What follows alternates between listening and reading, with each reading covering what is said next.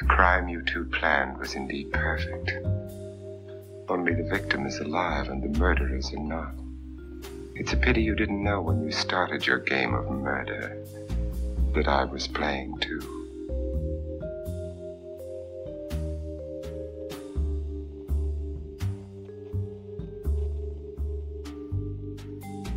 Stany Zjednoczone, rok 1949. Rok, w którym powstaje NATO. Rok, w którym po latach powojennej nędzy Ameryka wychodzi z kryzysu. Rok, w którym w kraju kupuje się około 6 milionów samochodów i 5 milionów odbiorników telewizyjnych. W 1949 roku ludzie powoli przestają tak tłumnie odwiedzać kina, a zamiast tego wybierają opery mydlane – Studia filmowe poszerzają swoją działalność o telewizję, a do Los Angeles, kolebki świata rozrywki, przyjeżdżają nowe talenty, które tylko czekają na odkrycie. 1949 to też rok, w którym Jean Spangler, jedna z takich nieodkrytych gwiazd, wychodzi z domu i już nigdy do niego nie wraca. Ta historia pewnie nie różniłaby się niczym od innych podobnych zaginięć. Tyle, że tutaj pojawiają się dwa słynne nazwiska: aktor filmowy Kirk Douglas oraz Elizabeth Short, znana też jako Czarna Dalia, ofiara chyba najsłynniejszej kryminalnej zagadki Hollywood XX wieku.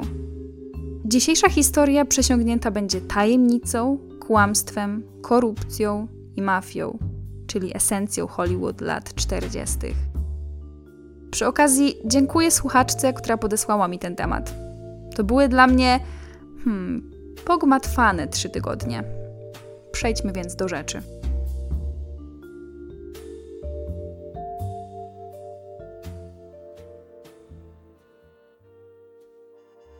Jean Spangler przyszła na świat 2 września 1923 roku w Seattle w stanie Waszyngton. Do szkoły średniej rodzice wysłali ją do Los Angeles w Kalifornii. Jako nastolatka tańczyła w teatrze Florentine Gardens i marzyła o tym, że będzie kiedyś w stanie utrzymać się z zawodowego tańca. Gdzieś po drodze jednak jej plany się nieco zmieniły. Zapewne wszystko to dzięki przemysłowi filmowemu, który przecież w latach jej młodości przeżywał najświetniejsze czasy. No to Jean postanowiła spróbować swoich sił w branży filmowej. Nie było to nic szczególnie zadziwiającego. Perspektywa szybkiej sławy i dobrych pieniędzy była kusząca, więc miliony młodych, utalentowanych dziewczyn z całego kraju, a może nawet i świata, przybywało w tamtych czasach do Kalifornii, marząc o karierze aktorskiej. Większości z tych dziewczyn nie udawało się nawet dotrzeć do etapu zdjęć próbnych. Kończyły albo jako kelnerki, albo jako modelki, albo jako tancerki, albo, to niestety czasem też się zdarzało, jako panie do towarzystwa dla hollywoodzkiej elity. Jean Spengler nawet trochę się zaczęło udawać. Nie jako pani do towarzystwa, ale jako filmowej statystce. No cóż, każdy musi przecież jakoś zaczynać. Dziewczyna była śliczna, miała czarne włosy, niebieskie oczy, bladą cerę i doskonałą figurę. Efekt, jak się domyślam, treningów tanecznych. W 1941 roku, czyli kiedy miała 19 lat, Jean poślubiła rok starszego chłopaka, który nazywał się Dexter Banner.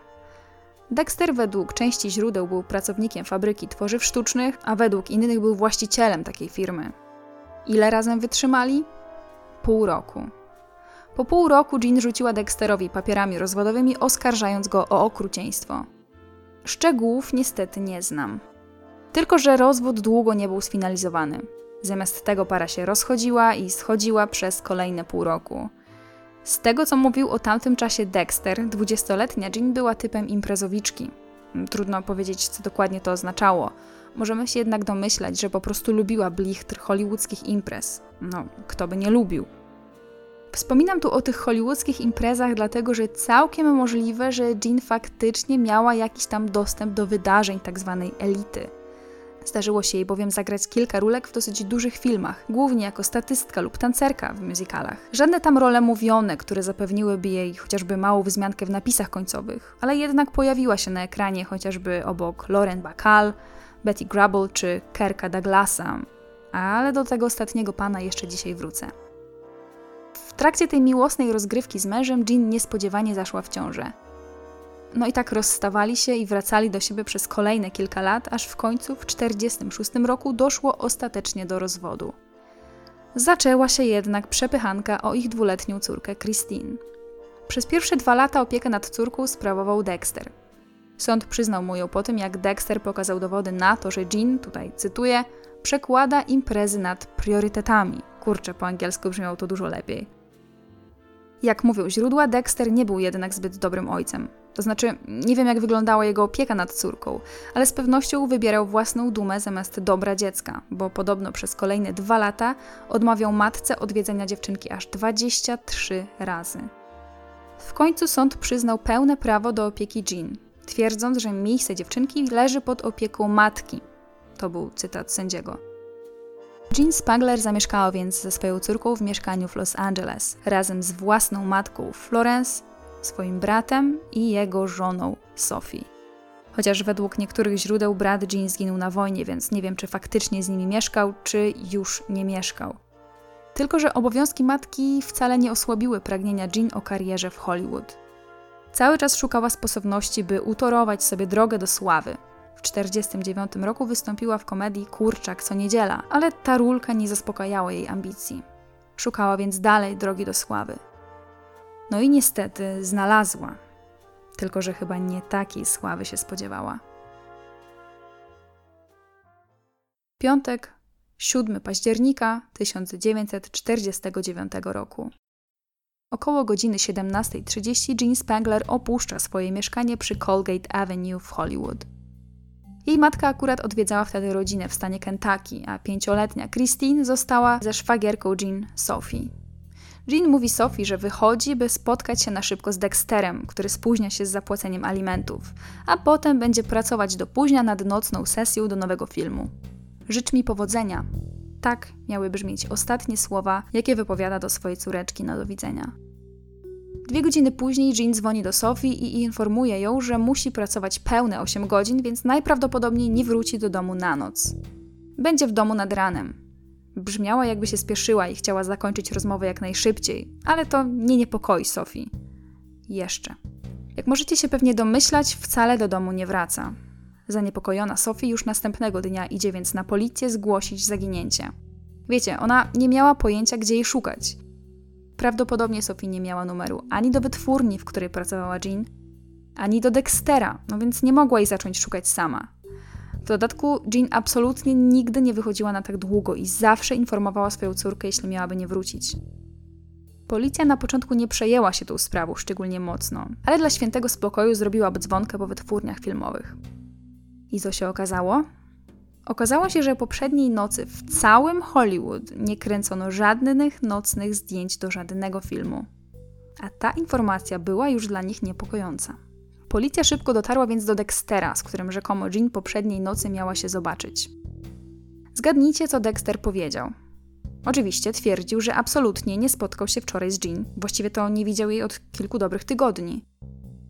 Te zeznania potwierdziła też jego nowa żona, która zapewniała policję, że cały poprzedni wieczór i noc spędzili wspólnie w domu oglądając telewizję. Po wielu latach Sophie, czyli ta szwagierka Jean, udzieliła wywiadu telewizyjnego, w którym przyznała, że tego dnia widziała na twarzy Dextera zadrapanie na twarzy. Nigdzie jednak to spostrzeżenie policji nie zaprowadziło. Policja od razu wzięła tę sprawę na poważnie. Zaraz wam powiem dlaczego aż tak się tym przejęli, bo to naprawdę było dziwne jak na tamtejsze działania policji z Los Angeles. Przejdźmy jednak najpierw do pierwszych ustaleń, no bo policja zaczęła od przepytywania ludzi z okolicy i próby odtworzenia tego, co robiła Jean poprzedniego wieczoru. Okazało się, że wypłaciła z banku jakąś większą sumę pieniędzy. Od razu zaznaczę, że nie wiem ile to było, bo o tych pieniądzach nie wszystkie źródła mówią, a już na pewno żadne z nich nie podaje konkretnej kwoty. Podobno jednak wybrała ponadprzeciętną ilość gotówki z banku kilka dni wcześniej. Sprzedawczyni sklepu spożywczego, który mieścił się zaledwie kilka przecznic od domu Jean, przypomniała sobie, że około 18 widziała Jean w sklepie. To musiało być więc tuż przed telefonem do szwagierki. Jean snuła się podobno pomiędzy półkami i wyglądała, jakby na kogoś czekała. Nie wyglądała jednak jakoś podejrzanie, tym bardziej, że często do tego sklepu przychodziła, więc sprzedawczyni szybko straciła ją z pola widzenia. Z kolei jacyś znajomi Jean widzieli ją, jak tego wieczoru jadła na mieście hot dogi. Tutaj cytuję: schludnym, młodym mężczyzną. Kiedy policja zaczęła wypytywać o szczegóły, zmienili zdanie, mówiąc, że jednak widzieli ją w czwartek, a nie w piątek. Ale przynajmniej w historii pojawiła się jakaś nowa postać schludny mężczyzna. Kim jednak był ten mężczyzna, tego policja nie wiedziała. Kolejne zeznania przypadkowych świadków dalszych poczynań Jean w piątkową noc robiły się coraz ciekawsze. Otóż około 1.30 nad ranem Jean była widziana w restauracji o nazwie The Cheese Box przy Sunset Strip. Właścicielka knajpy powiedziała, że dziewczyna ze zdjęcia, która, które pokazała jej policja, siedziała właśnie mniej więcej o tej godzinie z wysokim, ciemnowłosym mężczyzną, który wyglądał na około 35 lat. Ale Al the Sheikh Lazar, czyli taka ówczesna osobowość radiowa, również widział Jean w restauracji tamtej nocy. Zeznał policji, że około 2.30 w nocy transmitował z The Cheese Box na żywo swój program radiowy. W ramach tej audycji przepytywał przypadkowych przechodniów do mikrofonu. Powiedział, że zapamiętał Jean, bo ona i jej towarzysze nie wyglądali na zachwyconych propozycją wywiadu i krótko mówiąc, no, go pogonili. A no właśnie, towarzysze. Bo Al twierdził, że Jean siedziała tam w towarzystwie nie jednego, a dwóch mężczyzn. Co więcej, cała ta trójka wyglądała jakby się kłóciła. Nie znalazłam niestety żadnych szczegółów z jego zeznań na temat tego, jak ci mężczyźni wyglądali. Możemy się więc domyślać, że jednym z nich mógł być więc ów młody, schludny facet przed czterdziestką. Krótko po wyjściu z restauracji Jean była widziana raz jeszcze. Tym razem przez pracownika pobliskiej stacji benzynowej. Jeden z mężczyzn pracujących w piątek na nocnej zmianie potwierdził, że podczas jego zmiany na stację podjechał niebiesko-szary kabriolet prowadzony przez mężczyznę. Facet powiedział mu wtedy podobno: Napełnij zbiornik paliwa, jedziemy do Fresno. Obok niego na fotelu pasażera siedziała kobieta wyglądająca dokładnie jak Jean Spangler. Pracownik zeznał i nie wiem, czy to jest prawda, ale z pewnością tak powiedział, bo dotarłam do starych gazet, które cytowały dokładnie jego słowa.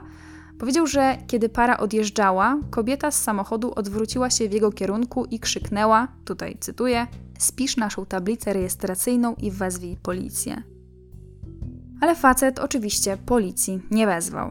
To znaczy, jedne źródła mówią, że wezwał, ale nikt się tym nie przejął, a inne mówią, że w ogóle nie wezwał. No i też nie spisał tego numeru z tablicy rejestracyjnej, a to, co z niej zapamiętał, w ogóle nie dawało policji żadnych tropów. Mieli jednak kolejną poszlakę Fresno. Fresno to jest miasto, które leży w stanie Kalifornia na północ od Los Angeles. Nie wiem jak w 49, ale dzisiaj droga z LA do Fresno zajmuje około 4 godzin jazdy samochodem. Wiemy, że na pewno Jean w tamtym czasie się z kimś spotykała. Potwierdziło to nawet zeznanie jego, jej przyjaciela z branży, aktora Roberta Cummingsa. Na dwa dni przed zaginięciem Jean i Robert skończyli właśnie pracę nad filmem Drobna dziewczynka. Podobno wtedy Jean wyznała mu, że ma nowego faceta, ale kiedy Robert spytał, czy to coś poważnego, to Jean odpowiedziała, że nie, ale bawi się doskonale. Nigdy nie ujawniła mu jednak tożsamości tego mężczyzny. Sprawą oczywiście zaczęła się interesować prasa. Detektyw LAPD o nazwisku Brennan, który pracował nad śledztwem, zdradził prasie, tutaj znowu zacytuję, panna Spangler miała randkę z mężczyzną na noc przed zniknięciem. Opowiedział też ze szczegółami, kto, gdzie i o której widział Jean poprzedniej nocy. Dziennikarze rozpoczęli więc własne śledztwo – w niedzielę 9 października, czyli zaledwie ponad dobę od zgłoszenia zaginięcia, pracownik Griffith Parku, który jest jednym z największych parków w całej Ameryce i chyba najsłynniejszym parkiem w Hollywood, znalazł na jednym ze szlaków wjazdowych porzuconą czarną torebkę. Jak możecie się domyślać, oczywiście torebka należała do zaginionej Jean Spangler. To było niecałe 10 km od jej domu. Torebka leżała w dosyć dziwnym miejscu, tuż przy takiej w miarę głównej drodze, nie była gdzieś schowana w krzakach. Po prostu leżała sobie tak, jakby ktoś wyrzucił ją przez okno z jadącego samochodu. To nie było też jakieś szalenie dziwne miejsce na zgubienie rzeczy. Ta część parku słynęła z tego, że była takim typowym miejscem do spacerów z psami i romantycznych pikników. Podobno. Pasek od torebki był rozerwany, co mogło świadczyć o walce. Pracownika jednak zaniepokoiła zawartość torebki. W środku tej niewielkiej torebki, poza jakimiś przedmiotami użytku codziennego i portfelem, znajdowała się kartka z odręcznie napisaną notatką. A właściwie to nawet nie notatką, a listem. Na kartce ktoś napisał ołówkiem, tutaj cytuję: Kerk, nie mogę już czekać. Idę zobaczyć doktora Skata. Tak będzie najlepiej, kiedy akurat nie ma matki. Wiadomość zakończona była przecinkiem, czyli list najwyraźniej nie był skończony. Być może ktoś pisał go w pośpiechu. Nie wiemy oczywiście, kiedy ten list był napisany, ale z pewnością dosyć niedawno, bo matki Jean od kilku dni faktycznie nie było w domu. Później dowiemy się też, że na pewno został napisany przez Jean. Potwierdzi to zarówno jej matka, jak i grafolog.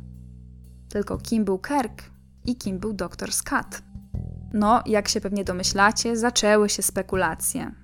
Po pierwsze, śledczy, a za nimi dziennikarze od razu zaczęli snuć przypuszczenia, że Jean prawdopodobnie była w ciąży i planowała aborcję.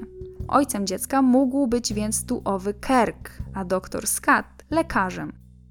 Otóż w 1949 roku aborcja w Kalifornii była nielegalna. To znaczy, no, oficjalnie była nielegalna, bo na lewo można ją było bez problemu wykonać. Tyle, że oczywiście za pieniądze. I to nie małe. I to nie było też tak, że te kobiety, które chciały usunąć ciążę, były gdzieś wywożone za granicę. W Hollywood podziemie nielegalnych klinik aborcyjnych, które dysponowały znakomitymi lekarzami, było całkiem dużo. W jakich się to odbywało warunkach, y, to różne źródła mówiły mi różnie. Na pewno im więcej miałeś pieniędzy, tym lepsze miałeś warunki i lepszych lekarzy mogłeś sobie zapewnić. A o pieniądze przecież w Hollywood było nietrudno. W latach 30., 40. i 50. to chyba co druga aktorka miała aborcję albo kilka aborcji, bo i antykoncepcja nie była tak powszechna i skuteczna jak dziś.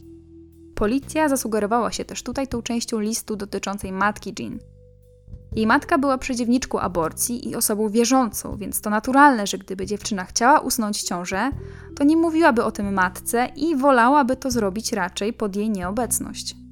Co najciekawsze, jeszcze przed upublicznieniem tej informacji znalazło się kilka koleżanek Jean, które potwierdziły policji, że Jean była w trzecim miesiącu ciąży. Czy to była prawda? Nie wiemy. Kim był ojciec dziecka? Tego też nie wiemy. Wszystkie oczy skierowały się w stronę tajemniczego Kerka. Matka Jean, która zdążyła już wrócić z Los Angeles, zeznała, że faktycznie dwa razy Jean mówiła jej, że umawia się z jakimś Kerkiem. Mężczyzna podjeżdżał czasem pod ich dom samochodem odebrać Jean, ale nigdy nie wchodził do środka. Nie chciała też córki wypytywać o szczegóły, no najwyraźniej uznała, że jak będzie chciała, to sama jej powie. Tylko, że kiedy policja zaczęła poszukiwać wśród znajomych Jean jakiegokolwiek kerka i grzebać w notatniku z kontaktami, okazało się, że Jean w ostatnim czasie miała oficjalnie styczność wyłącznie z jednym kerkiem. Kerkiem Douglasem. Tak, tym Kerkiem Douglasem, który zagrał Spartakusa, masyna Michaela Douglasa i zmarł w zeszłym roku w wieku 103 lat. W roku 1949 gwiazda Kerka Douglasa właśnie zaczęła jasno świecić. W tamtym czasie skończył zdjęcia do filmu Młody człowiek z trąbką, w którym Jean Spangler była statystką. A wiecie, co jest w ogóle najdziwniejsze? Że jeszcze zanim policja skontaktowała się z Kerkiem Douglasem w tej sprawie, to on ich ubiegł i sam do nich zadzwonił. Od razu powiedział, że słyszał jakieś dziwne pogłoski i chciałby powiedzieć, że nie zna żadnej Jean Spangler – Najprawdopodobniej przeczytał najświeższą gazetę codzienną, albo ktoś mu doniósł, że jakiś Kerk pojawił się na łamach prasy. Bo wiecie, Kerk to nie było popularne imię. Według danych w całym dwumilionowym wtedy Los Angeles oficjalnie mieszkało 29 Kerków. No więc wiadomo, zaginęła jakaś początkująca aktorka, więc jedyny Kerk z branży lada chwila byłby na świeczniku. Tylko, że najdziwniejsze było to, że Kirk Douglas nie powiedział policji, że chwilę wcześniej pracował z Jean. On powiedział, że nigdy nie widział jej na oczy. Dopiero kiedy policja oficjalnie wezwała go na przesłuchania, to Kirk przyznał, że nie miał pojęcia, że ta ciemnowłosa statystka w zielonej sukience to zaginiona Jean Spangler. Powiedział, że kilka razy żartował z nią na planie, ale to wszystko. Absolutnie nie miał z nią żadnego pozazawodowego kontaktu. Ale plotki oczywiście krążyły dalej. Niektórzy nawet podejrzewali, że mieli romans, a Jean zaszła w ciąży właśnie z nim. I to właśnie dlatego matka dziewczyny nigdy nie poznała nowego chłopaka swojej córki, bo była nim wielka gwiazda, więc chcieli to ukryć. Całym oczywiście szacunkiem dla aktorskiego dorobku Kerka, ale facet nie był prywatnie żadnym świętoszkiem. W 1949 roku był mężem aktorki Diany Deal. a jego synowie Michael i Joel mieli 5 i 2 lata. Niestety nie było tajemnicą w środowisku, że Kirk swoją żonę wielokrotnie zdradzał. Sam po rozwodzie przyznał, że po narodzeniu synów zauważył, że on i Diana po prostu do siebie nie pasują. Swoją drogą rozwiedli się dwa lata później. Wróćmy jednak do notatki Jean, bo skoro Kirk Douglas nie był Kirkiem z listu, to policja innego tropu nie miała. Zaczęli więc domyślać się, że Kirk to mógł być jakiś pseudonim, a nie prawdziwe imię. Zajęli się więc drugą osobą, o której wspomniała w swoim liście Jean doktorem Scattem. Policja i prasa zaczęły więc poszukiwać lekarza o nazwisku Scat, najprawdopodobniej ginekologa. Kiedy policjanci przepytali właścicieli i obsługę barów i klubów z okolicy domu Jean, dowiedzieli się, że bywał tam tajemniczy student medycyny nazywany Doug, czyli tak jakby doktorek. Podobno kręcił się właśnie w okolicy i dokonywał aborcji. Policja jednak nigdy do niego nie dotarła, więc właściwie nie wiemy, czy taka postać faktycznie istniała. Jedyną osobą, która cokolwiek miałaby wspólnego z imieniem lub nazwiskiem Skat i która jednocześnie miałaby jakikolwiek kontakt z Jean, był porucznik Korpusu Lotniczego Armii Stanów Zjednoczonych o imieniu Scotty, a raczej Jean nazwała go Scotty. Jean i tajemniczy Scotty nawiązali bowiem przelotny romans kilka lat wcześniej, jeszcze kiedy ona była zamężna. Podobno nawet razem mieszkali przez jakiś czas w motelu, jeszcze zanim Jean zaszła w ciążę. Policja dowiedziała się od znajomych dziewczyny oraz prawnika, który reprezentował ją w trakcie rozwodu, że owy Scotty pobił ją 4 lata wcześniej i groził, że ją zabije. Najprawdopodobniej jednak nigdy później Scottiego nie widziała. Ani znajomi, ani prawnik nie byli sobie w stanie przypomnieć, jak owi Scotty miał w ogóle na nazwisko. W dokumentach sądowych opisywany był jako wysoki, szczupły, przystojny mężczyzna. Żadnego nazwiska. Wszyscy znali go jako Scottiego. Kolejna niewiadoma. No ale moim zdaniem szukanie jakiegoś Skatiego sprzed lat mogło być tutaj bezcelowe, bo Skat z listu był podobno doktorem Skatem, a tajemniczy Skati był pilotem. Po co więc Jean miałaby go opisywać jako doktora Skata? Nie wiem. Policja przeszukała też teren parku, w którym porzucono torebkę Jean. Oczywiście prawdopodobnie szukali, nie wiem, ciała albo jakichkolwiek innych śladów. Ale nie znalazła nic podejrzanego poza porzuconym uniformem więziennym, Uznano jednak, że to nie ma nic wspólnego ze sprawą Jean. Policja zaczęła nawet nieśmiało sugerować, że być może Jean dobrowolnie uciekła z Los Angeles i sama wyrzuciła torebkę przez okno samochodu. Tylko, że to wszystko było strasznie dziwne. Jean była szczęśliwą matką. Wszyscy, którzy ją znali, twierdzili, że absolutnie nie porzuciłaby w taki sposób córki. Z drugiej strony ten przedziwny list, podejrzenia o romans ze sławnym aktorem i co najważniejsze, prawdopodobne powiązanie z jakąś kliniką albo przynajmniej lekarzem, który dokonywał aborcji. Dziewczyna była widziana przez kilka osób, a potem po prostu zapadła się pod ziemię. Ale, chociaż codziennie pisano obszerne artykuły z aktualnościami w tej sprawie, to zaginięcie Jean Spengler nie było czymś aż tak szokującym, przynajmniej w tamtych czasach i w tamtym miejscu. I właśnie teraz wytłumaczę Wam, dlaczego policja tak szybko zaczęła szukać sprawcy i dlaczego tak szybko zaczęła traktować tę sprawę poważnie. Otóż dziennikarze zaczęli łączyć fakty. Młoda, piękna dziewczyna o figurze modelki, która ginie bez śladu.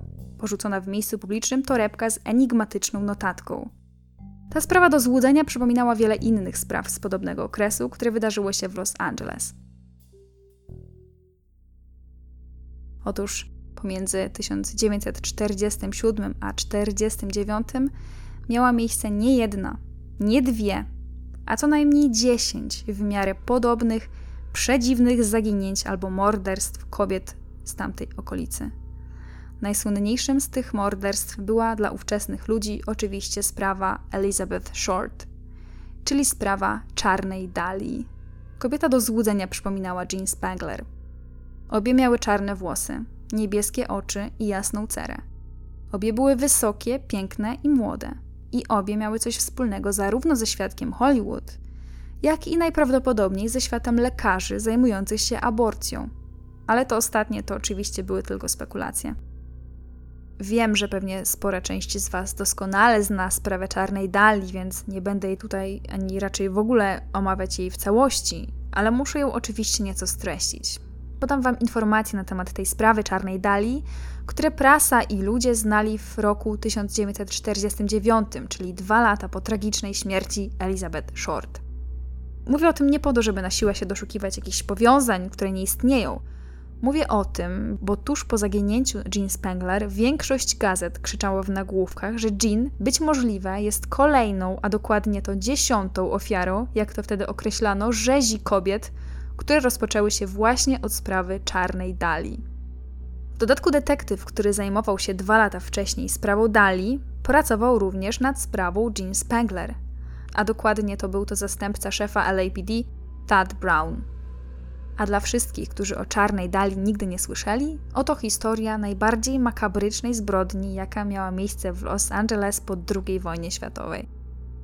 15 stycznia 1947 roku w jednej z dzielnic Los Angeles, a dokładnie to 12 km od miejsca, w którym znaleziono torebkę Jean, pewna mieszkanka podczas spaceru ze swoją córką znalazła przy chodniku zwłoki kobiety. To znaczy, na początku w ogóle nie wiedziała, że to były zwłoki kobiety, raczej wyglądało to na makabrycznie pomalowany manekin. Otóż ciało kobiety było całkowicie nagie i leżało w bardzo dziwnej, rozłożonej pozie i było przecięte na pół w okolicy jamy brzusznej. Jak się potem okazało, nie było to takie przypadkowe rozcięcie, ale rozcięcie dokonane z chirurgiczną precyzją, w taki sposób, aby nie uszkodzić narządów wewnętrznych. Z pewnością ktoś, kto tego dokonał, musiał mieć więc wykształcenie medyczne, bo to nie było takie proste. Co więcej, kobieta miała rozcięcie od ucha do ucha, w tak zwany Glasgow Smile, i była całkowicie pozbawiona krwi. Sekcja zwłok wykazała, że przed śmiercią była potwornie maltretowana, rozcinana, przypalana papierosami i zmuszona do jedzenia własnego kału.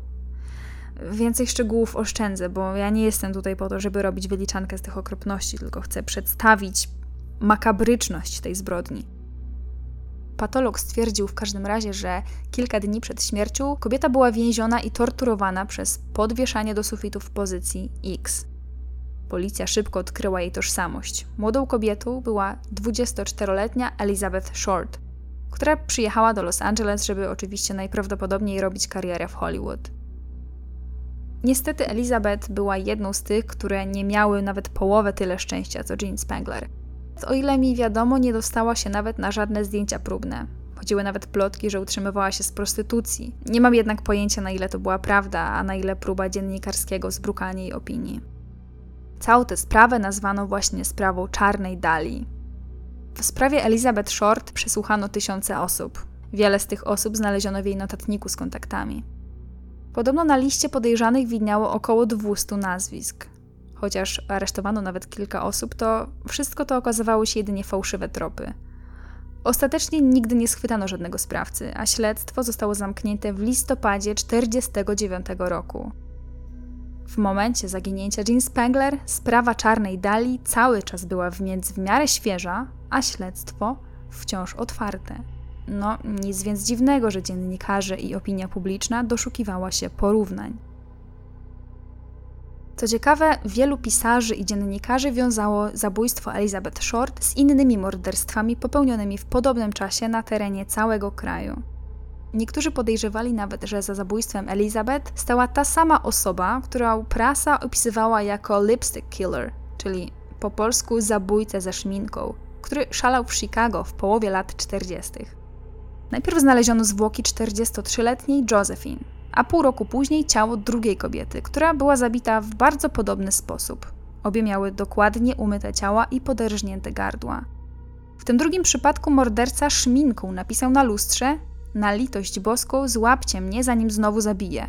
Nie panuje nad sobą. W 1946 roku sześcioletnia Susan Dengen została znaleziona poćwiartowana i porozrzucana w studzienkach kanalizacyjnych. Sześcioletnia. Stawy dziewczynki, podobnie jak w przypadku czarnej Dali, były przecięte z chirurgiczną precyzją. Za to oraz wcześniejsze zabójstwa tzw. Tak zabójcy ze szminką skazano 18-letniego Williama Hyrensa. Co ciekawe, wiele osób do dzisiaj podnosi, że William z pewnością nie mógł tego zrobić. 18-latek nie byłby w stanie popełnić zbrodni tak doskonałej. On sam też twierdził, że został wrobiony. Ale William zmarł 8 lat temu – po odsiedzeniu 65 lat w więzieniu. według niektórych za niewinność. A mówiąc niektórych, mam na myśli oczywiście tych, którzy twierdzą, że sześcioletnią Susan i dwie pozostałe kobiety zamordowała ta sama osoba, która zabiła czarną Dalię. I nie tylko. Ale jak wspomniałam, te morderstwa miały miejsce w Chicago. Od czasu tragicznej śmierci czarnej Dali równie dziwne rzeczy działy się jednak już na terenie Los Angeles. Prasa podejrzewała, że wśród ofiar działań zabójcy czarnej Dali znalazło się co najmniej dziewięć kobiet. Wszystkie te sprawy rozpoczęły się właśnie od zabójstwa czarnej Dali. Były to Jean French, Evelyn Winters, Dorothy Montgomery, Laura Trelstead, Rosenda Mondragon, Maria Newton, Lillian Dominguez, Louise Springer i Mimi Boomhauer. Jean Spangler opisywana była jako dziesiąta ofiara. Pierwsza z nich, Jean French, opisywana jako pielęgniarka i aktorka, została znaleziona naga, pobita na śmierć i pozostawiona na zachodnim Los Angeles. Co ciekawe, na jej skórze czerwoną szminką nabazgrane było Fuck you, BD oraz słowo Tex. Wszyscy od razu zasugerowali się tym, że to kolejna ofiara zabójcy ze szminką, który wcale nie został złapany, ale uciekł do Los Angeles kontynuować swoje mordy. Co więcej, na ciele napisane były inicjały BD, czyli, no oczywiście według niektórych, Black Dahlia. Druga ofiara, Evelyn Winters, hollywoodzka autorka tekstów piosenek, została znaleziona chwilę po Dali i Jean French. Również naga, również wywieziona za miasto również bez żadnego konkretnego motywu. Wszystkie trzy kobiety, czyli zarówno Elizabeth, Jean French, jak i Evelyn, opisywane były jako stałe bywalczynie okolicznych barów. Mogły więc, a przynajmniej według gazet, bywać w tych samych miejscach. Kolejna ofiara, Dorothy Montgomery, została znaleziona w maju 1947 roku na pustym polu na przedmieściach Los Angeles. Jej ciało było nagie, widać było ślady pobicia. Przyczyna śmierci uduszenie. Czwarta ofiara, Laura Trelstad, znaleziona również w maju 1947 roku, została uduszona męską piżamą. Tutaj świadkowie widzieli ją w towarzystwie dobrze ubranego, schludnego faceta. Piąta ofiara, Rosenda Mondragon, opisywana jako dwudziestoletnia meksykańska piękność, została znaleziona w lipcu 1947. Również była naga, również uduszona, również wywieziona za miasto.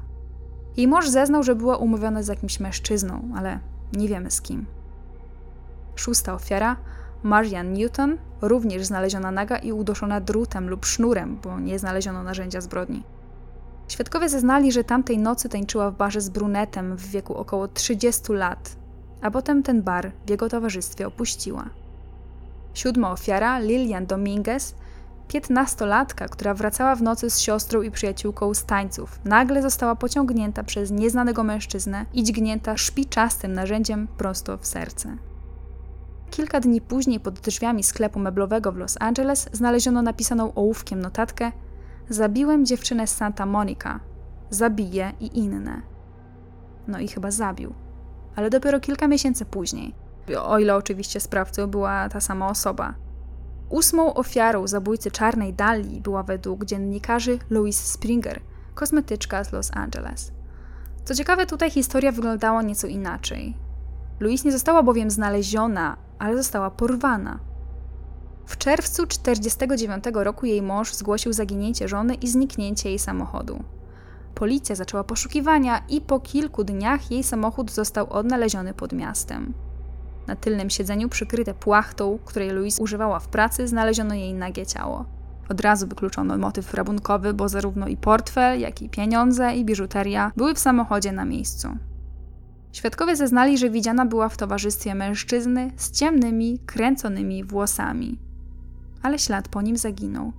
Zaledwie dwa miesiące później w Los Angeles zaginęła kolejna, dziewiąta już kobieta. Była nią Mimi Boomhauer, która w sierpniu 1949 również zapadła się pod ziemię. Po kilku dniach w budce telefonicznej w Los Angeles znaleziono jej torebkę. Na torebce napisana była ręcznie notatka, a raczej list do policji, który informował, że torebka została znaleziona na plaży. W środku jednak nie znaleziono ani śladów wody, ani śladów piasku. Torebka z pewnością nie widziała żadnej plaży. Do dziś nie wiemy, co stało się z Mimi. Niecałe dwa miesiące później Równie tajemniczo co Mimi z powierzchni ziemi zniknęła Jean Spangler. Według prasy dziesiąta, a licząc czarną dalię, jedenasta ofiara tego samego seryjnego zabójcy z Los Angeles. Wszystko to działo się w jednym mieście w odstępie właściwie półtora roku.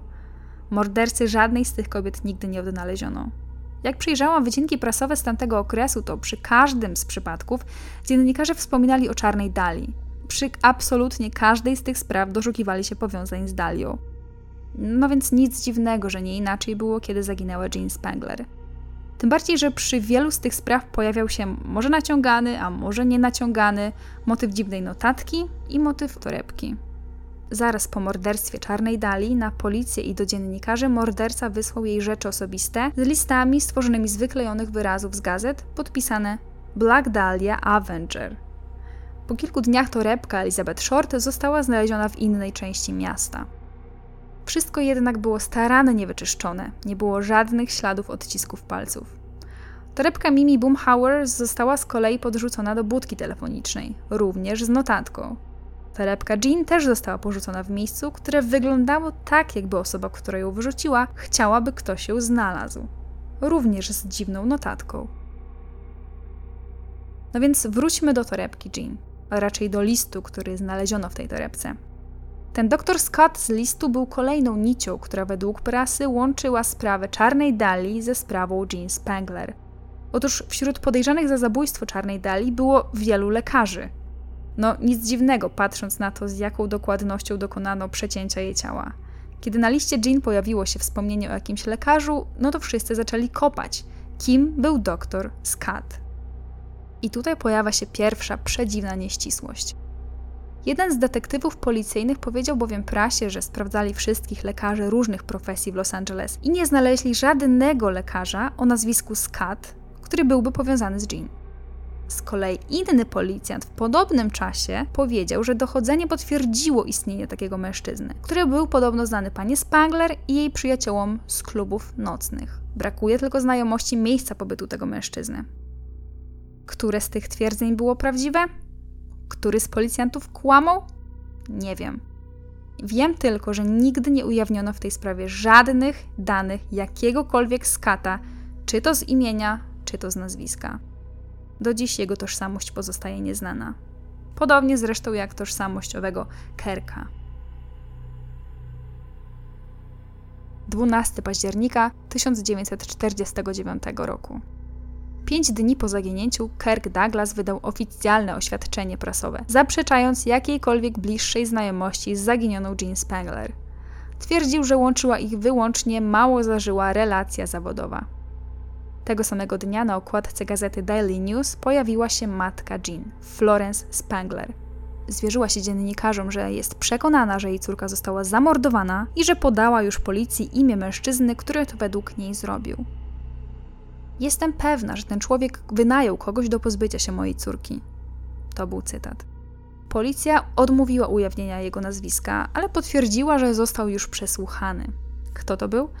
Pewności nie mam, ale wydaje mi się, że mogła podejrzewać Dextera, czyli byłego męża Jean. Dlaczego tak sądzę? No, dlatego, że niedługo potem rozpoczęła się kolejna sądowa batalia o małą Christine. Tym razem pomiędzy właśnie babcią dziewczynki a jej ojcem. Dexter Benner dostał ponowne prawo do opieki nad Christine i zabronił Florence widywać się z dziewczynką. Wielokrotnie sprzeciwiał się nakazowi sądowemu, który wymuszał od niego pozwolenie na wizytę babci. Kiedy w końcu został za to skazany na 15 dni więzienia, to zamiast przesiedzieć to tak jak prawowity obywatel powinien, zabrał Christine i swoją drugą żonę i uciekł ze stanu, podobno na Florydę. Rozpoczęły się nawet jego poszukiwania, nawet oficjalne poszukiwania, ale ani babcia, ani ciotka, ani prasa, ani policja, nikt już ich nigdy nie widział. Do dziś w sumie nie wiemy, jak wyglądało późniejsze życie Christine. 13 października, czyli 6 dni po zaginięciu Jean Spangler, pojawił się pierwszy podejrzany. I nie był to ani Dexter, ani Kirk, ani Scott, ani nawet żaden lekarz. 13 października detektywi z LAPD aresztowali mężczyznę, który zwał się Tom Evans. To nie były jego pierwsze problemy z prawem, bo facet był, uwaga, uwaga, gangsterem. W latach 40. mafia współrządziła miastem, a ci bardziej poważani gangsterzy trzymali lejce i na policji, i na wytwórniach hollywoodzkich. To, że w sprawę mógł być zamieszany ktoś z gangsterskiego świadka, było tutaj bardziej niż pewne. Tym bardziej, że mafia miała na własność większość klubów nocnych w Los Angeles, a Jean Spangler była, no może nie jakoś znaną i stałą, ale wciąż była jednak bywalczynią hollywoodzkich lokali. Evans oficjalnie został aresztowany po tym, jak policja znalazła go w posiadaniu dużej ilości gotówki. Bo w tamtych czasach istniały tam określone restrykcje co do tego, ile gotówki można było mieć przy sobie. Gazety informowały, że Evans został oskarżony o kradzież. Policja zatrzymała go więc dlatego, że znany był z tego, że uwodzi kobiety, aby wyłudzać od nich pieniądze. Brzmi znajomo? Jak ktoś z Was nie słuchał jeszcze mojego podcastu o Lanie Turner, to w tym momencie zapraszam serdecznie do odsłuchania. Policja podejrzewała, że Evans mógł mieć coś wspólnego ze sprawą Spangler lub Mimi Boomhauer. A przypominam, że Jean przed zaginięciem wypłaciła z banku podobno dużą sumę pieniędzy, a po Mimi Boomhauer pozostała jedynie pusta torebka. A była kobietą majętną. W sumie po Jean też została jedynie pusta torebka. Evansa przesłuchiwał sam szef LAPD, ale niestety nic z tego. Zaprzeczył, by znał którąkolwiek z tych kobiet i powiedział, że handluje cukrem i konopią z Filipinami. No więc policja, nie mając absolutnie żadnych dowodów, musiała go wypuścić. Tutaj mam wrażenie, że sytuacja wyglądała trochę jak w tych filmach, w których akcja dzieje się w podobnych czasach. Czyli policja próbuje wrobić w sprawę kogokolwiek, kto się w ogóle nawinął, tylko po to, by zamknąć sprawę i uratować swoje dobre imię. No, byli w końcu pod presją. Ludzie zaczynali się coraz bardziej bać. Każdy sądził, że w mieście grasuje seryjny morderca psychopata, który porywa i zabija przede wszystkim młode kobiety. Ale podejrzenia o zamieszanie w tej sprawie mafii nie były wcale aż tak daleko idące. Chociaż Evans faktycznie nie maczał tutaj raczej swoich palców, to jednak po trzech tygodniach śledztwa fabuła dochodzenia prezentowana przez prasę ponownie nieco zgęstniała. Znaleźli się bowiem świadkowie, którzy miesiąc wcześniej widzieli Jean Spangler na mieście, a w innych źródłach to w klubie, z mężczyzną o nazwisku Davy Ogle. Kim był Ogle? Otóż on był dobrym współpracownikiem Mikiego Coena, gangstera numer 1 lat 50. Los Angeles. Innym razem ktoś widział Jean w Las Vegas w towarzystwie nie tylko Ogula, ale też Franka Nicoli, który no nie zgadniecie, był ochroniarzem i przyjacielem Coena. Ale nie to jest najciekawsze. Frank Nicoli zniknął z powierzchni Ziemi we wrześniu 1949 roku, czyli niecały miesiąc przed Jean. Davy Ogle zaginął 9 października, czyli dwa dni po Jean. Cohen skomentował zaginięcie swoich współpracowników słowami, tutaj cytuję: Obawiam się, że już nie żyją. Zostali zjedzeni. Oczywiście to była taka metafora. Nie, nie byli ofiarami kanibali. Naturalnie pojawiły się więc przypuszczenia, również prasowe, że Jean Spangler była częścią jakiegoś mafijnego spisku i albo została porwana, albo dobrowolnie uciekła z mafią. Te spekulacje z tygodnia na tydzień robiły się coraz dziwniejsze. Co jakiś czas policja rozmawiała z osobami, szczególnie z Teksasu, które twierdziły, że widziały kobietę pasującą do opisu Jean i mężczyznę pasującego do opisów Ogula. Podrzucę do linku ze zdjęciami kilka wycinków z ówczesnych gazet. Te doniesienia pojawiały się właściwie przez kilka kolejnych lat. Raz tę parę widziano w Phoenix, raz w Meksyku, innym razem w San Francisco. Policja nie miała jednak żadnych konkretnych dowodów. Matka Jean, Florence Spangler, zaprzeczyła, jakoby Jean miała jakąkolwiek styczność ze światem gangsterów. Tutaj znowu zacytuję: Jean nie była typem dziewczyny, która zadawała się z takimi ludźmi. Jestem pewna, że porozumiałaby się jakoś z nami, gdyby żyła i była wolna.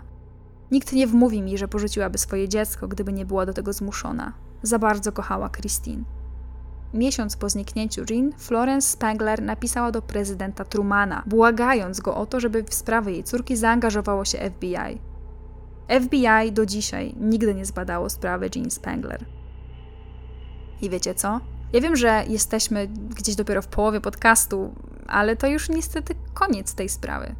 Nie ma żadnych oficjalnych informacji czy wyników śledztwa policji, które dawałyby tutaj jakikolwiek nowy trop.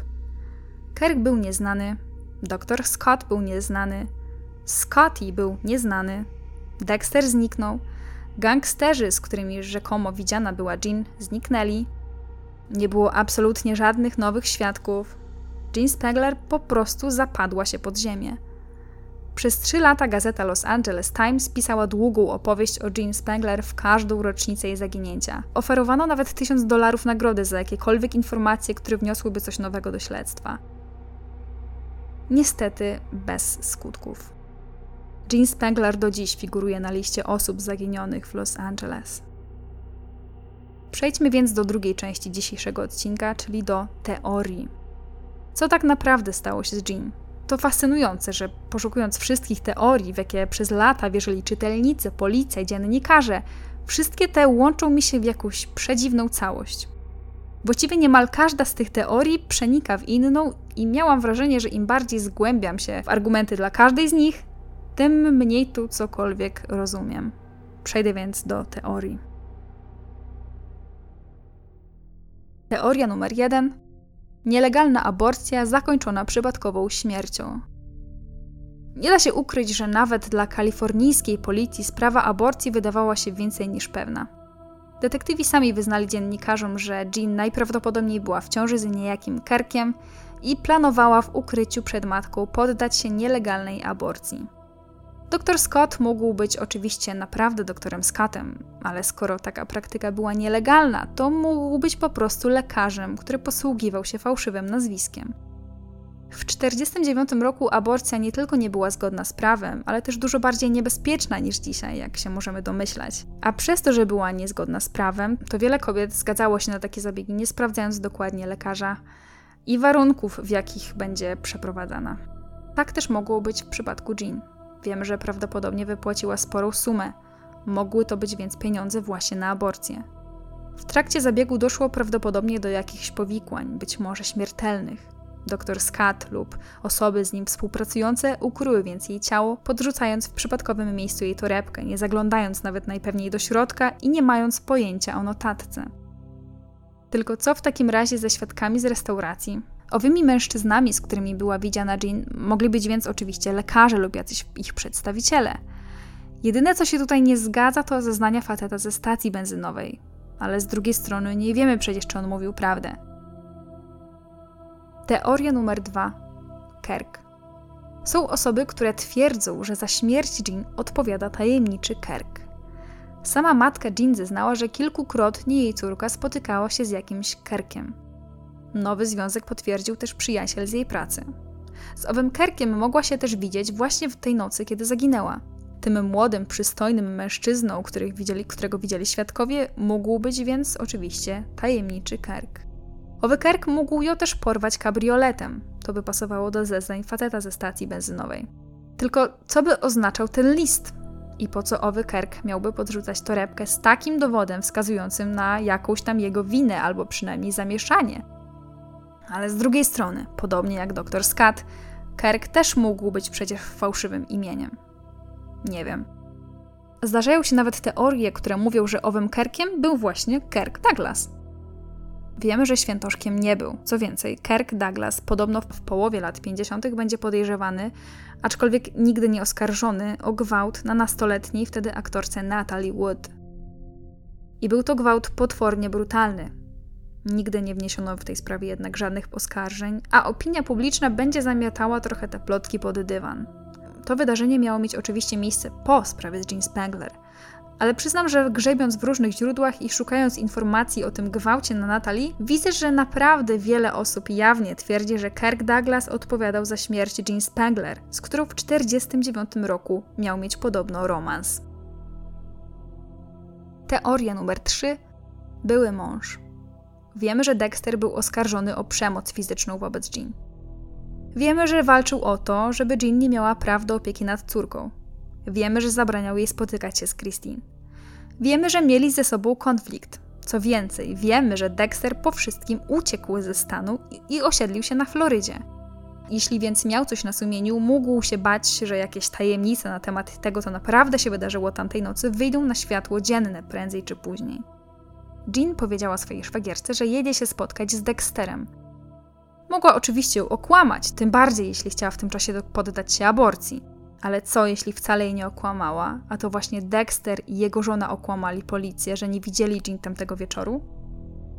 Co więcej, dochodzi jeszcze wspomnienie szwagierki Jean, która mówiła, że dzień po zaginięciu Jean, Dexter miał na twarzy dziwne, z pewnością świeże rozcięcie.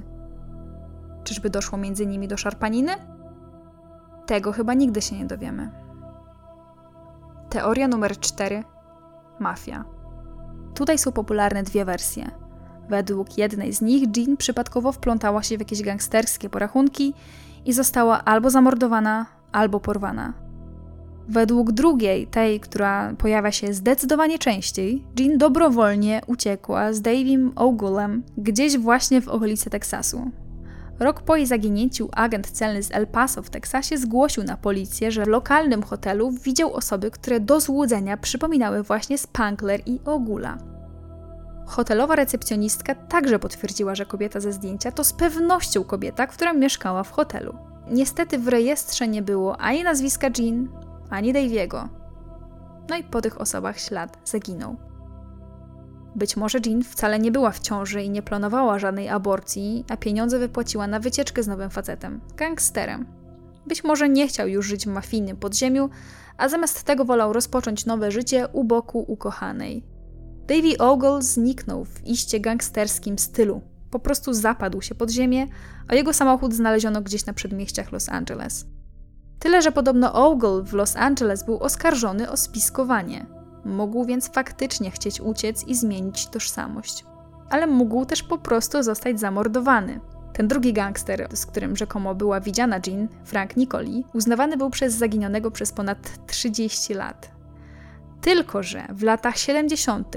Jimmy Fratiano, który został świadkiem koronnym dla rządu, ujawnił swój udział w licznych morderstwach na członkach gangów, w tym również w morderstwie Nicoli.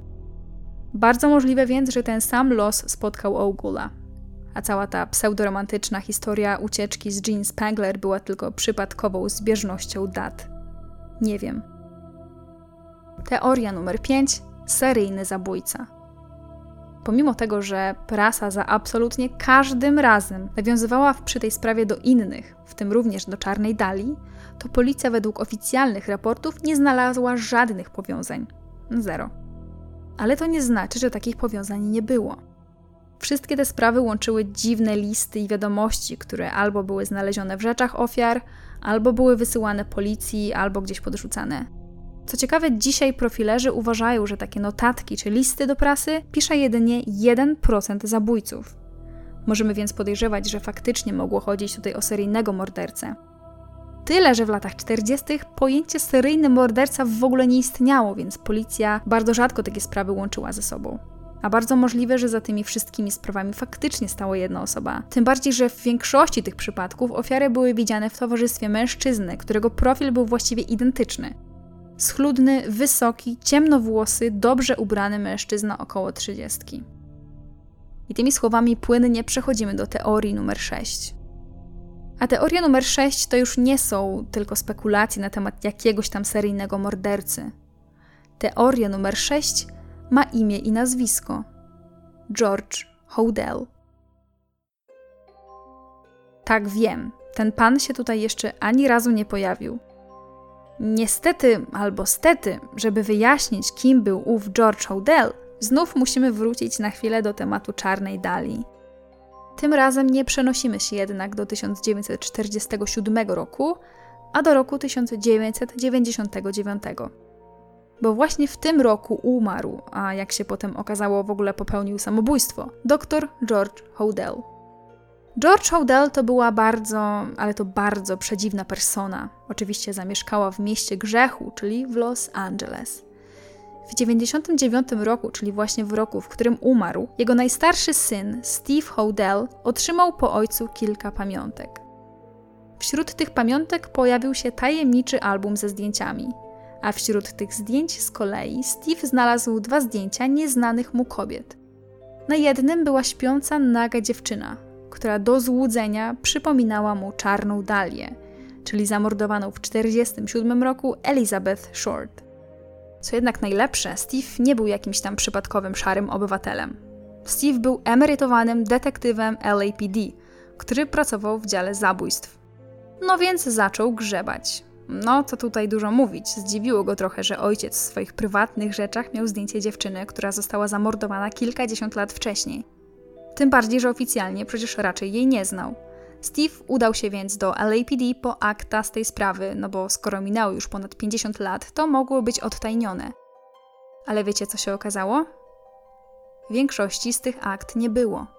Po prostu się rozpłynęły. Niezniechęcony zaczął jednak szukać dalej. Sporo w tej historii było przypadków. Tam jego siostra spotkała detektywa, który, jak się okazało, pracował wtedy przy sprawie Czarnej Dali i mógł nieco więcej powiedzieć. Przez kilka dobrych lat Steve zbierał więc materiały, które coraz bardziej potwierdzały, a przynajmniej według niego potwierdzały, że to właśnie jego ojciec, George Hodel, zabił Czarną Dalię w 1947 roku. Tylko, że im bardziej grzebał, tym coraz mocniej zaczął zauważać, że George Hodel prawdopodobnie nie zabił tylko Czarnej Dali, ale dużo, dużo więcej kobiet. W tym właśnie Jean Spangler. Przejdźmy jednak najpierw do tego, co takiego odkrył Steve Hodel. Opowiem Wam to bardzo skrótowo, bo oczywiście to nie jest odcinek o czarnej dali, no ale nie da się opisać sprawy Jean Spangler bez opowiedzenia o szczegółach na temat i życia Hodela, i rozwiązania, a raczej no rzekomego i nieoficjalnego rozwiązania zagadki czarnej dali. Przejdźmy najpierw do tego oczywiście, kim był George Hodel. Doktor George Hodel. George Hodel urodził się w 1907 roku w dosyć bogatej żydowskiej rodzinie. Był jedynakiem i rodzice traktowali go jako naprawdę wyjątkowego. Jak mówi jedno ze źródeł, wychowywali go jakby był dzieckiem europejskiej arystokracji. Mały George od dziecka przyjawiał uzdolnienia muzyczne, więc rozwijał swój muzyczny talent grając na fortepianie. Ale poza talentem muzycznym miał też jedną rzecz, która go wyróżniała wśród rówieśników. Był niesamowicie inteligentny. Podobno swoim IQ przekraczał o jeden punkt samego Einsteina – Rodzice wysyłali go więc do prestiżowych szkół, aż w końcu w wieku 15 lat rozpoczął studia. Tyle, że z tych studiów został szybko wydalony. Za co? Nieoficjalnie za romans z jedną z pań profesor. Zrobił więc sobie krótką przerwę w edukacji i rozpoczął pracę jako reporter kryminalny dla Los Angeles Record. A co ciekawe, zbiegło się to z okresem prohibicji, więc przestępstw było wtedy w Los Angeles naprawdę sporo, bo i mafia się świetnie miała, i prostytucja, i korupcja. George w ramach swojej pracy jeździł nawet z policjantami z LAPD w różne miejsca, w których były popełniane przestępstwa. Miał też swobodny wgląd w policyjne akta. Tylko co najciekawsze, George w swoich reporterskich tekstach o policyjnych nalotach nie opisywał suchych faktów. O nie, nie. Opisywał podobno z najdrobniejszymi szczegółami erotyczne znaleziska, na jakie trafiali, na przykład podczas nalotów na kluby nocne czy domy publiczne. Wymieniał nie tylko wszystkie pikantne i brutalne szczegóły, ale dodawał też trochę własnych fantazji. No, wyobraźnię to miał z pewnością rozbudowaną. W latach 30. wrócił jednak na ścieżkę edukacji i rozpoczął studia medyczne. Zaraz po otrzymaniu dyplomu otworzył własną praktykę medyczną w Los Angeles – a dokładnie to zajmował się wenerologią.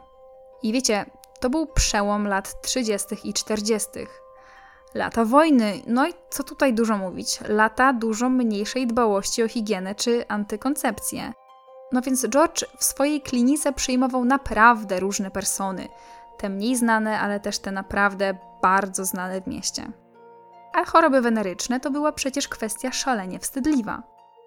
No, żaden wysoko postawiony polityk czy producent filmowy nie chciał, żeby jakaś jego zawstydzająca przypadłość wyszła na jaw. A George to wykorzystywał. Jego syn wspomina, że odkrył, iż George wielokrotnie celowo stawiał fałszywe diagnozy wyłącznie po to, żeby móc sobie potem kogoś od czasu do czasu poszantażować wstydliwą dokumentacją medyczną. W dodatku z wieloma z tych wysoko postawionych osób dosyć blisko się przyjaźnił. Wśród jego przyjaciół byli na przykład późniejszy szef LAPD William Parker, reżyser John Huston, aktor Vincent Price. Swoją drogą głos Vincenta Price'a słyszycie przed każdym z moich podcastów. Ale poza ludźmi z filmu i policji, to w swoim domu gościł też wielu surrealistycznych artystów, bo George podobno od zawsze fantazjował o tym, żeby być artystą. Jednym z tych artystów był Man Ray, Man Ray to był taki pan, który zasłynął w tamtym świadku przede wszystkim jako fotograf. I ten pan szalenie George'a Hodela inspirował. Dlaczego o tym w ogóle mówię? Otóż niektóre z obrazów i fotografii Reya były nieco osobliwe. Tworzył trochę takie inscenizacje z kobiet, które czasami układał w dziwny sposób albo coś na nich malował. Miał też taką słynną fotografię zatytułowaną Minotaur, która przedstawiała nagą kobietę z zacieniowaną twarzą, której klatka piersiowa i rozłożone na boki ręce układały się na coś w kształt głowy Minotaura. Generalnie Ray wypowiadał się o swojej sztuce, tutaj cytuję: Moja sztuka to branie kobiety i robienie z niej czegoś innego. Właśnie w takim środowisku surrealistycznych artystów otaczał się George Hodel, który też sam marzył o tym, żeby wyżyć się jakoś artystycznie. Chociaż do końca lat 40. George Hodel miał dwie żony i trójkę dzieci, w tym właśnie Steve'a, to nie za bardzo chciał żyć takim typowym życiem rodzinnym. Miał wielką posiadłość w Los Angeles, w której często urządzał huczne przyjęcia. A raczej orgie, w które wciągał swoją najstarszą, nastoletnią wtedy córkę, Tamar. Jeśli ktoś jest ciekawy, jak ten dom wygląda, to w opisie znajdzie link do zdjęć. Możecie też sobie wpisać y, w Google Soden House i polecam, bo ten dom robi naprawdę ogromne wrażenie i co ciekawe, stoi do dzisiaj, ale do tego jeszcze wrócę.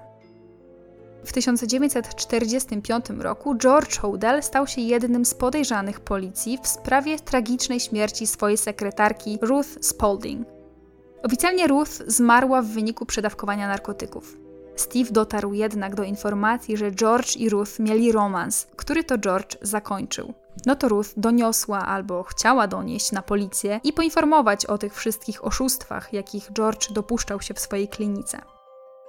Tyle, że zanim te informacje doszły do kogokolwiek, to Ruth nagle zmarła. Tak po prostu. George Hodel nigdy o nic nie został oskarżony, a przynajmniej nigdy oficjalnie. Cztery lata później, w 1949 roku, George Hodel został oskarżony przez swoją córkę Tamar o wielokrotny gwałt oraz zmuszanie jej do relacji intymnych z gośćmi podczas przyjęć i seansów spirytystycznych, jakie urządzał w domu. Tamar twierdziła, że zaszła nawet ze swoim ojcem w ciążę, ale ten zmusił ją do aborcji. Ta sprawa trafiła nawet do sądu. I wiecie co? Hodel został uniewinniony. Jakiś czas później Tamar znowu zeszła w ciążę, ale rodzina wysłała ją na Hawaje. Ale to nie jest jeszcze najdziwniejsze. Otóż na rozprawie w sprawie gwałtu Tamar powiedziała, że to jej ojciec zabił czarną Dalię dwa lata wcześniej. Ciekawe, co? Niestety wszyscy wzięli ją za kłamczuchę, zarówno w sprawie gwałtów, jak i w sprawie czarnej Dali. Tyle, że kiedy Steve po śmierci ojca zaczął tę sprawę badać, dochodził do przekonania, że Tamar wcale nie kłamała.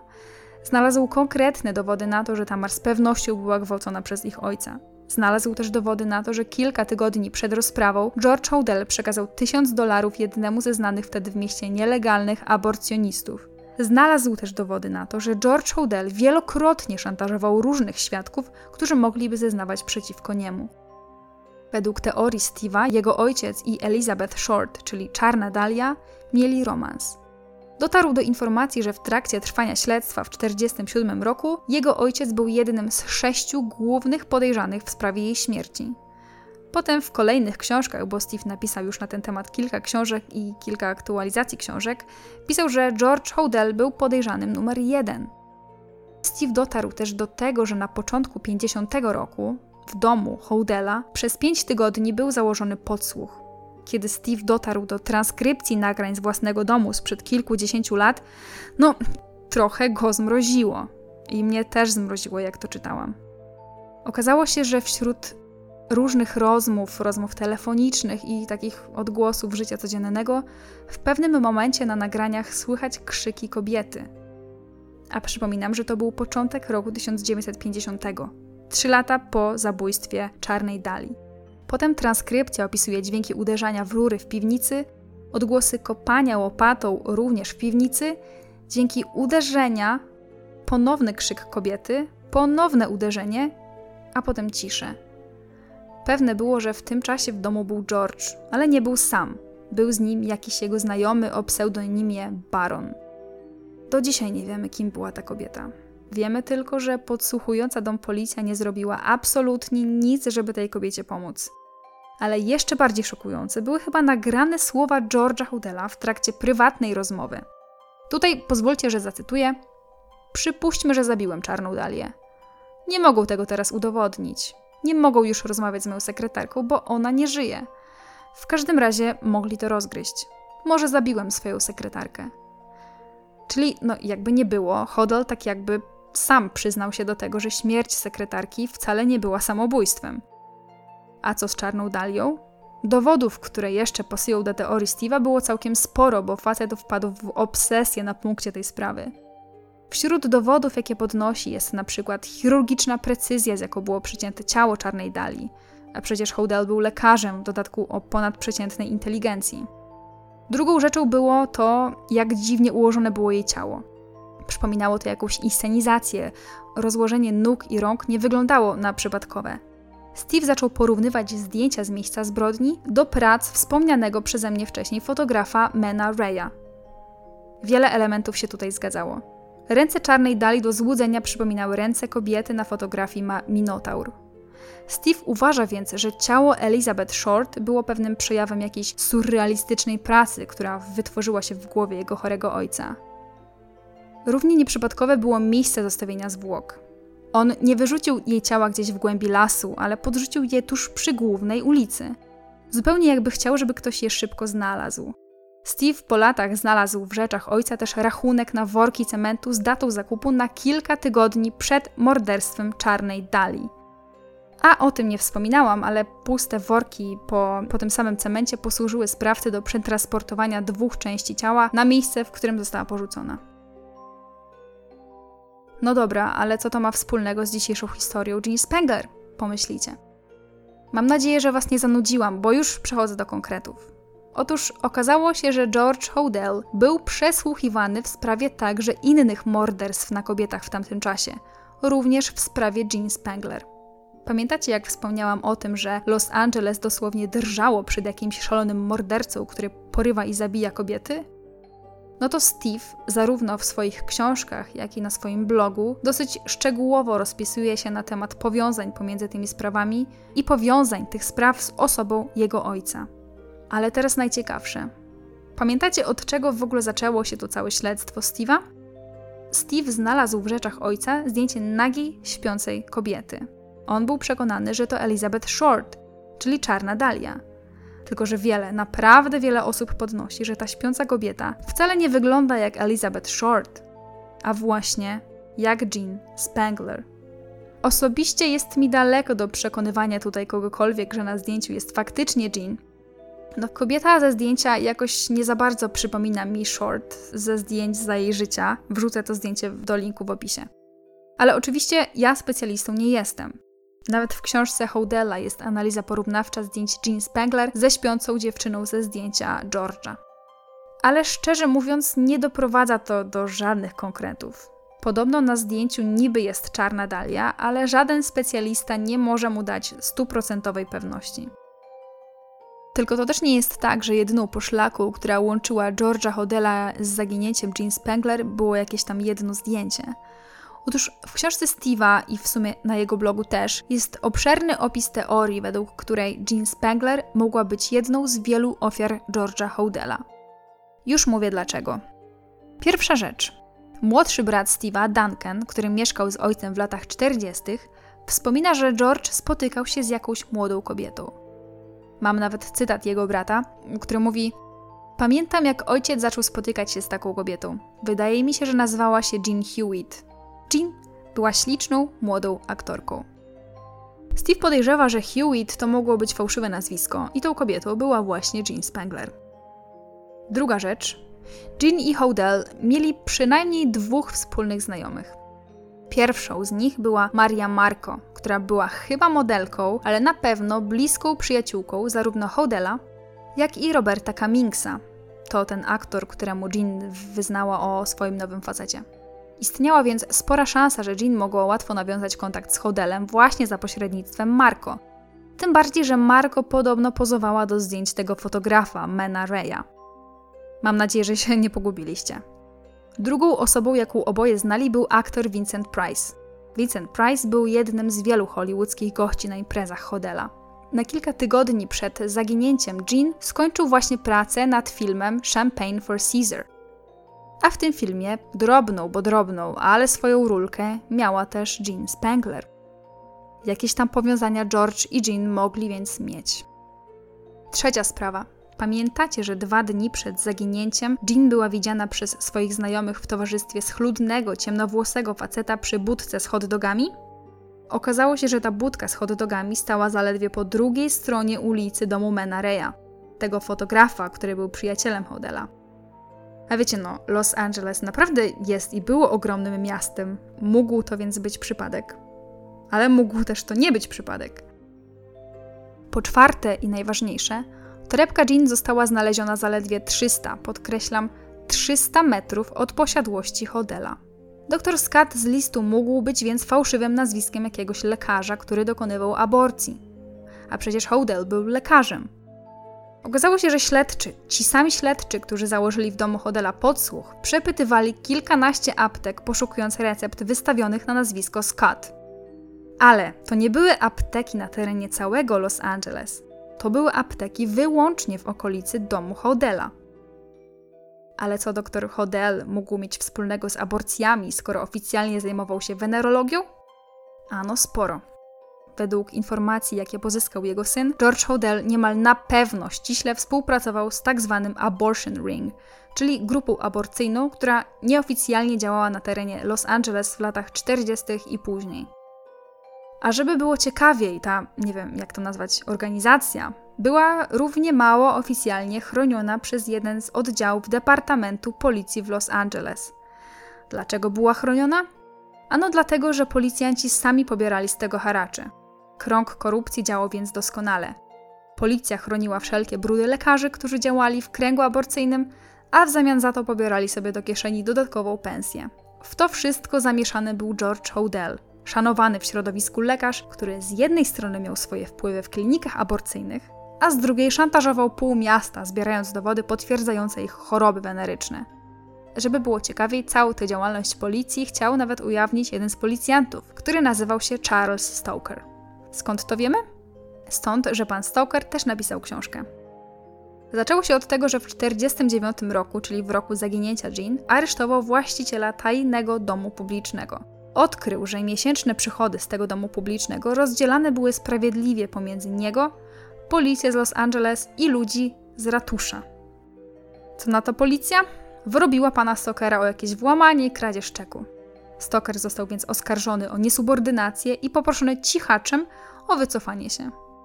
Co ciekawe, przesłuchaniom w sprawie tej rzekomej kradzieży czeku przewodnił Ted Brown, ten sam policjant, który prowadził sprawę Czarnej Dali oraz Jean Spangler. Stoker jednak się nie poddawał i zaczął grzebać dalej. No i wtedy wpadł na prawdziwe szambo. Na działanie podziemnego kręgu aborcyjnego.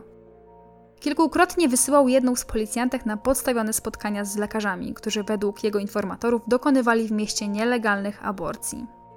Tylko, że jak tylko policjantka docierała do tych klinik, to te miejsca natychmiast nagle były zamknięte na cztery spusty.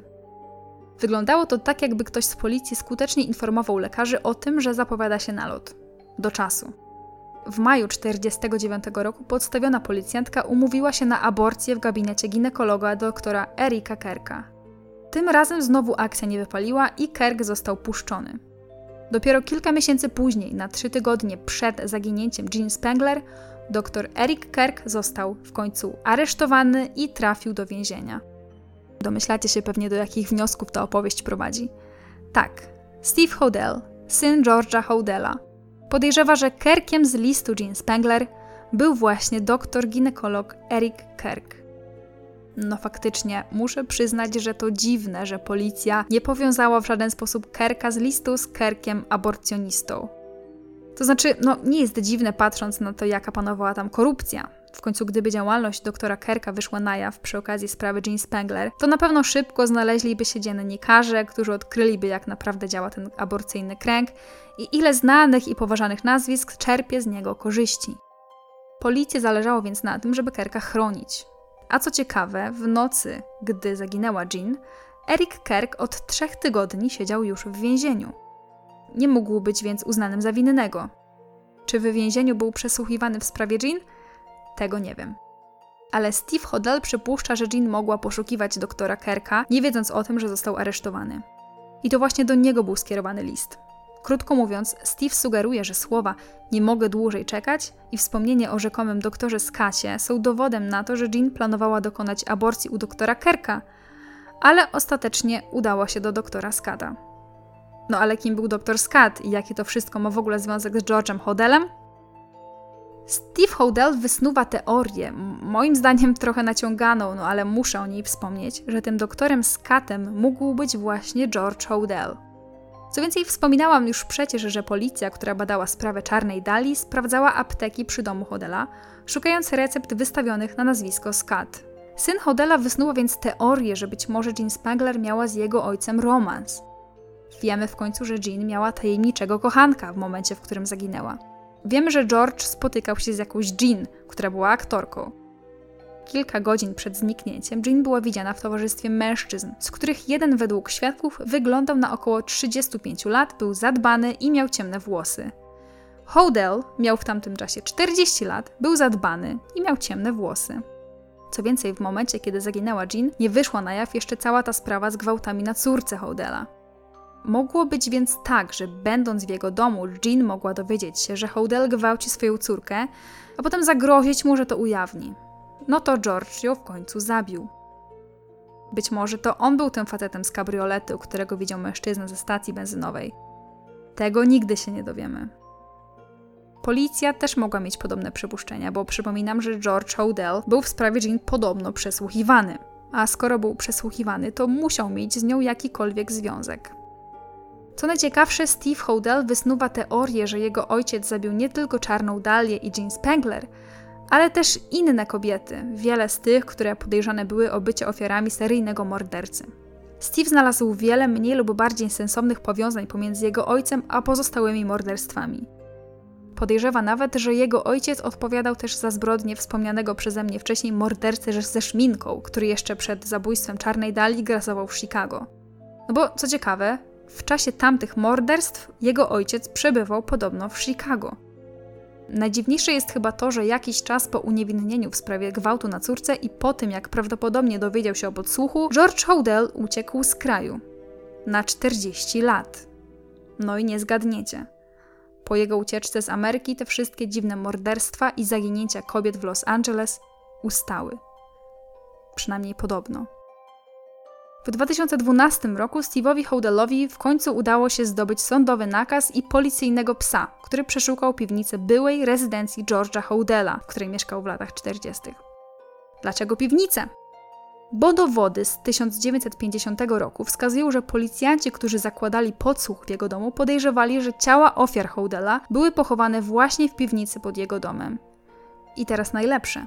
Pies zaalarmował zapach ludzkich zwłok zarówno w piwnicy, jak i w ogrodzie za posiadłością. Po 70 latach. Pozyskane próbki gleby potwierdziły tylko przypuszczenia Steve'a. Zarówno w piwnicy, jak i w ogrodzie najprawdopodobniej były, a raczej nadal są, zakopane ludzkie zwłoki. Tylko, że kiedy Steve przedstawił te dowody policji z Los Angeles, to oni stwierdzili, że są zbyt zajęci bieżącymi sprawami, żeby się angażować w takie stare case'y. Co więcej, ten dom nie należał już do rodziny Hodel, a nowi właściciele nie zgodzili się na przekopanie ziemi wokół ich domu. Steve Hodel podejrzewa, że teren posiadłości, w której mieszkał jego ojciec, jest miejscem pochówku właśnie albo Jean Spangler, albo niezidentyfikowanej kobiety, której krzyk zarejestrowały policyjne taśmy na początku 50 roku, czyli kilka miesięcy po zaginięciu Jean. Jest jednak głośna teoria, która sugeruje, że ta krzycząca kobieta na nagraniu to mogła być właśnie Jean Spangler, od kilku miesięcy więziona i w końcu zamordowana w piwnicy Houdela. Żadnego ciała jednak nigdy nie znaleziono. Dom Souden House w międzyczasie trafiał z rąk do rąk. Najpierw w ręce przedsiębiorcy Zorina Belbesa, który wykopał niedaleko basen i dodał azjatyckie rzeźby o wartości ponad miliona dolarów, w 2011 roku sprzedał ten dom za niemal 4 miliony dolarów. W tym domu kręcono jeden z sezonów amerykańskiego Top Model, wykorzystywano go nawet w teledyskach, a nawet w filmach Aviator i LA Confidential. Dom Hodela pojawił się też nawet w jednym z odcinków programu Ghost Hunters, gdzie został przedstawiony jako nawiedzony dom. W 2018 roku za niemal 5 milionów dolarów kupił tę posiadłość Dan Goldfarb. Dzisiaj on i jego żona używają go jako miejsce do organizowania przyjęć. Żaden z wymienionych tu właścicieli posiadłości nie zgodził się na rozkopanie terenu, żeby sprawdzić, czyje zwłoki są pod jego murami. Steve niestety nie uzyskał nawet zgody na przekopanie domu obok, na wzgórzu tuż za posiadłością. W latach 40. oba te domy należały do Hodela i tam też policja mogłaby dokonać ciekawych odkryć. Właścicielką tego drugiego domu była, nie wiem czy nadal jest, ale w 2016 roku była Laura Prepon, aktorka z serialu Orange is the New Black.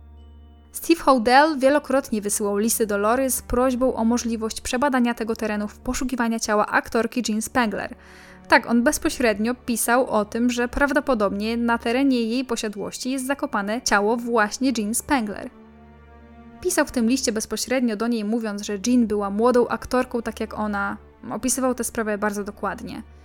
Niestety przeszukania terenu odmówiono. Z jednej strony się nie dziwię, bo te tereny i te domy są koszmarnie drogie, ale z drugiej strony nie wiem, czy byłabym w stanie swobodnie po nich chodzić, wiedząc, ile nierozwiązanych zagadek mają pod swoimi murami. Niestety, bez zgody właścicieli nikt nie może od tak wkroczyć na prywatny teren i po prostu zacząć kopać. I to już koniec tej historii, która pozostawia chyba więcej pytań niż odpowiedzi. Czy George Hodel zabił czarną dalię? Wiele osób twierdzi, że absolutnie tak. Czy George Hodel zabił Jean Spangler? Trudno powiedzieć. Chociaż teoria Steve'a Hodela naprawdę składa się w spójną całość, to momentami jest trochę naciągana. Weźmy na przykład te apteki. Moim zdaniem policja przepytywała apteki wcale nie wokół domu Hodela, a wokół miejsca porzucenia torebki Jean. A to, że dzieliło te dwa miejsca 300 metrów, to już jest trochę inna sprawa. Teoria z doktorem Erikiem Kerkiem niby trzyma się kupy, ale z drugiej strony, dlaczego Jean miałaby, miałaby pisać do swojego lekarza list i zwracać się do niego po prostu Kerk? Po trzecie, nie mamy też żadnych dowodów na to, że Jean miała jakikolwiek kontakt z Houdelem. Mieli co prawda wspólnych znajomych i obracali się w podobnym towarzystwie, ale pamiętajmy, że on był wielką szychą w mieście, a ona no statystką filmową. Czy na pewno Houdel był przesłuchiwany w jej sprawie? Dowody znalezione przez jego syna twierdzą, że tak. Pytanie tylko, na ile Steve jest dzisiaj wiarygodny. Wiecie, chociaż wiele z jego teorii, na przykład ta na temat czarnej dali, ma naprawdę sens, to momentami wydaje mi się, że on trochę zaczyna naginać rzeczywistość tylko po to, żeby dowody mu się kleiły. Podejrzewał ojca o to, że był mordercą ze szminką. Okej. Okay. Podejrzewał o to, że był seryjnym zabójcą kobiet w Los Angeles. Okej. Okay ale Steve wyszukał liczne dowody na to, że jego ojciec był niezidentyfikowanym dzisiaj Zodiakiem, który grasował w latach 60. i 70. w San Francisco. Wtedy George Houdel, według oficjalnych informacji, był już dawno na Filipinach. Steve podejrzewa też ojca o dużo, dużo, dużo więcej morderstw, które miały miejsce w latach 50. i w latach 60. i w latach 70. Jeśli ktoś z Was ma ochotę sobie poczytać o tych teoriach, to w sieci na ten temat jest naprawdę sporo informacji. No ja tutaj nie chcę się rozwlekać na temat tych powiązań. George Houdel nie może oczywiście zostać za cokolwiek skazany, bo nie żyje. Każda z tych spraw pozostaje i całkiem możliwe, że pozostanie już na zawsze oficjalnie nierozwiązana. Co tak naprawdę stało się więc z Jean Spangler? Czy była ofiarą tego samego mordercy co Czarna Dalia? Czy jej zaginięcie miało coś wspólnego z serią dziwnych zaginięć i morderstw w Los Angeles w tym samym czasie? A może zrobił to jej były mąż, który walczył z nią o prawa do wychowywania córki?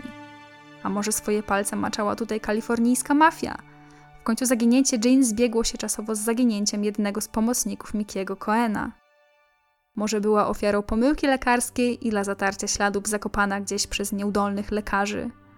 A może po prostu uciekła zmęczona życiem, może stało się z nią coś jeszcze innego. Kiedy siadałam do tej sprawy, wydawała mi się prosta i oczywista. Przyznam, że na początku zaciekawiła mnie wyłącznie dlatego, że pojawiło się tam nazwisko Kerka Douglasa. Kiedy zaczęłam jednak kopać i zobaczyłam wszystkie te powiązania z George'em Houdelem, to mam wrażenie, że trochę zderzam się ze ścianą. Nadal nic nie wiemy i niestety pewnie się nie dowiemy. No chyba, że za ileś lat ktoś rozkopie mury posiadłości Houdela i znajdzie tam szczątki Jean to chyba jedyna opcja.